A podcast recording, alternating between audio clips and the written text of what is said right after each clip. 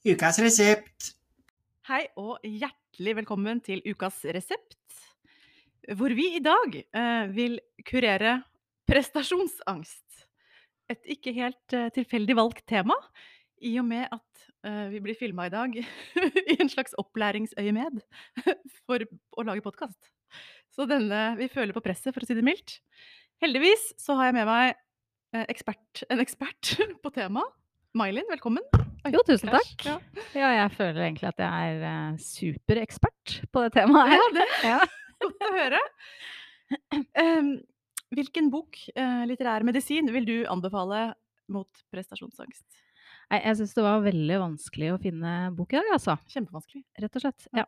Men uh, Og så fikk jeg noen tips fra noen kollegaer og sånn, og så falt valget til slutt på en bok som heter 'Vekten av snø snøkrystaller' av Thorvald Steen. Mhm. Eh, I boka så er vi i 1970. Den handler om en gutt på 14, snart 15 år. Han er enebarn. Han er gode venner, sånn middels god på skolen. Eh, og så er han et, tror jeg, ganske stort hopptalent sånn i sin alder. Ja. Eh, faren hans, som aldri hoppa sjøl, men som er lidenskapelig opptatt av hopp, han er fra Bergen, så han hadde liksom aldri muligheten til, selv, til det sjøl. Um, han eh, har liksom det til felles, eller de to har det til felles, da, far og sønn. Interessen for hopp. Og så faller han stygt på en trening og blir sendt til legen. Eh, og så begynner legen å mistenke at her er det kanskje noe mer som ligger bak skadene. Eh, så de tar en muskelbiopsi, som hørtes utrolig ekkelt ekkelt Det ut. høres vondt ut. Ja. ehm, og så finner, for, finner de ut at han har en sjelden muskelsykdom. Eh, og han får beskjed om at han aldri kommer til å hoppe på ski mer. Eh, og at han kommer til å havne i rullestol etter Mm. hvert. Mm. Og så sier han jo ingenting til foreldra sine, for han har ikke lyst til å skuffe dem. Eh, Så han går rundt og liksom kjenner at eh, beina begynner å svikte Nei. mer og mer, og ljuger og sier han har vondt i huet når han ikke klarer å stå av senga om morgenen. og litt sånn. Og Han vil jo ikke si noe på skolen, for han er redd for at alle skal se annerledes på han. Eh, og så er det ei jente på skolen som heter Nina, som har begynt å vise interesse for den. Eh, og så er han liksom redd for at hun bare er interessert i den fordi hun er skihopper. mm. Eh, Så det er, det er veldig vanskelig for den. Romanen er delvis selvbiografisk, for han Thorvald Steen han er ganske mye eh, selvbiografisk, egentlig. Eh, for det høres litt ut som han skriver om seg sjøl. Mm. Han òg var et topptalent, og han òg fikk en muskelsykdom når han var 16 år, og ja. Um, og så er det ja, det er jo kanskje mest en sånn oppvekstroman som viser liksom hvor vanskelig det er forholdet mellom foreldre og barn i de, de åra der, da. Hvor Mm. foreldra ikke helt skjønner at ungen har begynt å bli stor, og eh, ungdommen skjønner at foreldra bare er vanlige folk som gjør feil og ja, ikke liksom er, er ikke helt de som man tenker kanskje trodde de var, da. Men det er òg en sånn mye om den sorgen og ensomheten når han skjønner at han er sjuk. Mhm.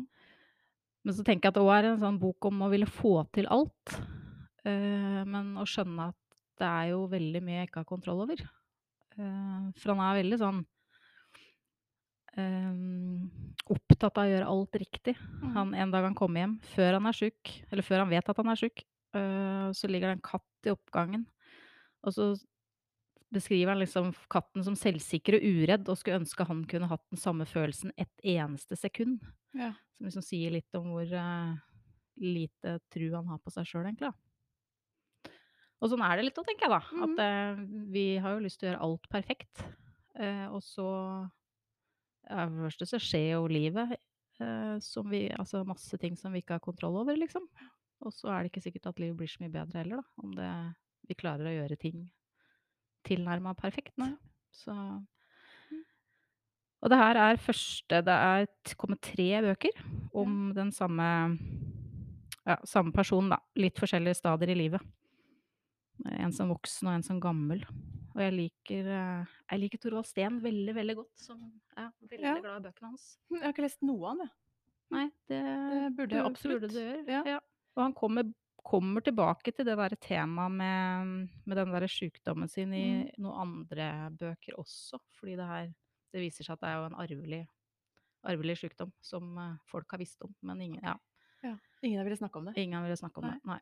Mm. Eh, så han tar liksom et oppgjør med det i, i noen andre bøker som ikke Ja. hører til her, liksom. Så bra. Tusen takk. Vær så. Super medisin, vil jeg si. Og jeg har jo da også lest en bok. Det vil si lest og lest. jeg er ikke helt ferdig med den.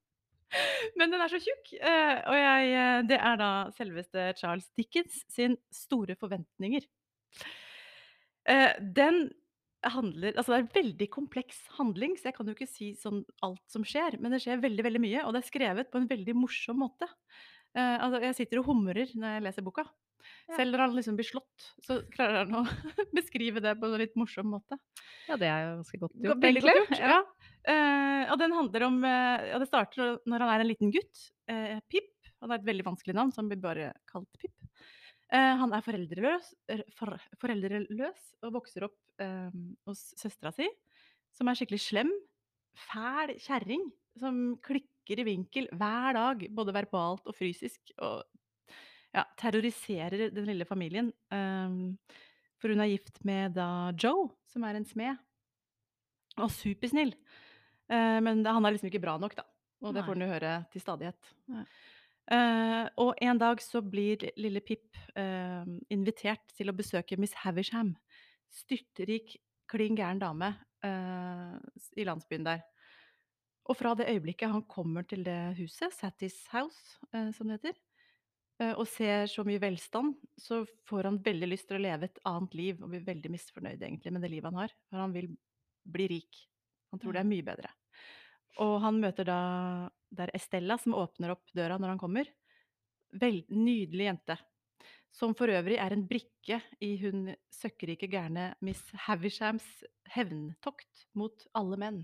Ja. Så uh, Miss Havisham sitter i brudekjolen sin etter jeg vet ikke, 50 år eller noe. Og alle klokkene stoppa fra når hun ble forlatt omtrent ved alteret. Eh, så altså Kaka og alt er som det var på bryllupsdagen. Nedstøva med rotter og muggent. og. Og hun sitter som en gal, gammel dame i brudekjolen med helt hvitt hår. Har ikke vært ute. Helt hvit i huden, som et sånt spøkelse. Ta liksom bitterheten til nye Ja, høyder, til altså. nye høyder. Altså, og hun vil da bruke unge Estella, som da er så pen, til å liksom break hearts. At menn skal bli forelska i henne, men hun blir oppdratt til å være helt iskald. Så Miss Havisham eh, oppmuntrer jo da lille Pip til å bli veldig forelska i eh, Estella. Ja. Og hele romanen drives på en måte Altså det er på en måte han, at han vil bli en rik gentleman, så han kan gifte seg med Estella når han blir stor. For det nytter ikke å være en sånn uskolert skomakerkar hvis han vil gifte seg med henne. Eh, så han har da Ja, nå sier jeg jo veldig mye, men eh, han får plutselig masse penger og store forventninger til livet. For å si det sånn. Ja. Finner ut det er kanskje ikke så bra likevel, og går litt i seg sjæl etter hvert. Men det er veldig mye som skjer, og veldig spennende. Superbra bok, rett og slett. Eh, så ja, vær snill og grei, og ikke, ikke trakt etter bare ytre ting. Nei, for det er jo ikke sikkert at Nei, det blir jo ikke nødvendigvis noe bedre Nei. av det. Mm. Det høres ikke sånn ut. Nei, så ja. Jeg gleder meg til å lese den ferdig. Men uh, tusen takk, May-Linn. Eh, Vær så god. mm. Og tusen takk til deg som hørte på. Neste uke er vi tilbake med ny medisin. Ha det.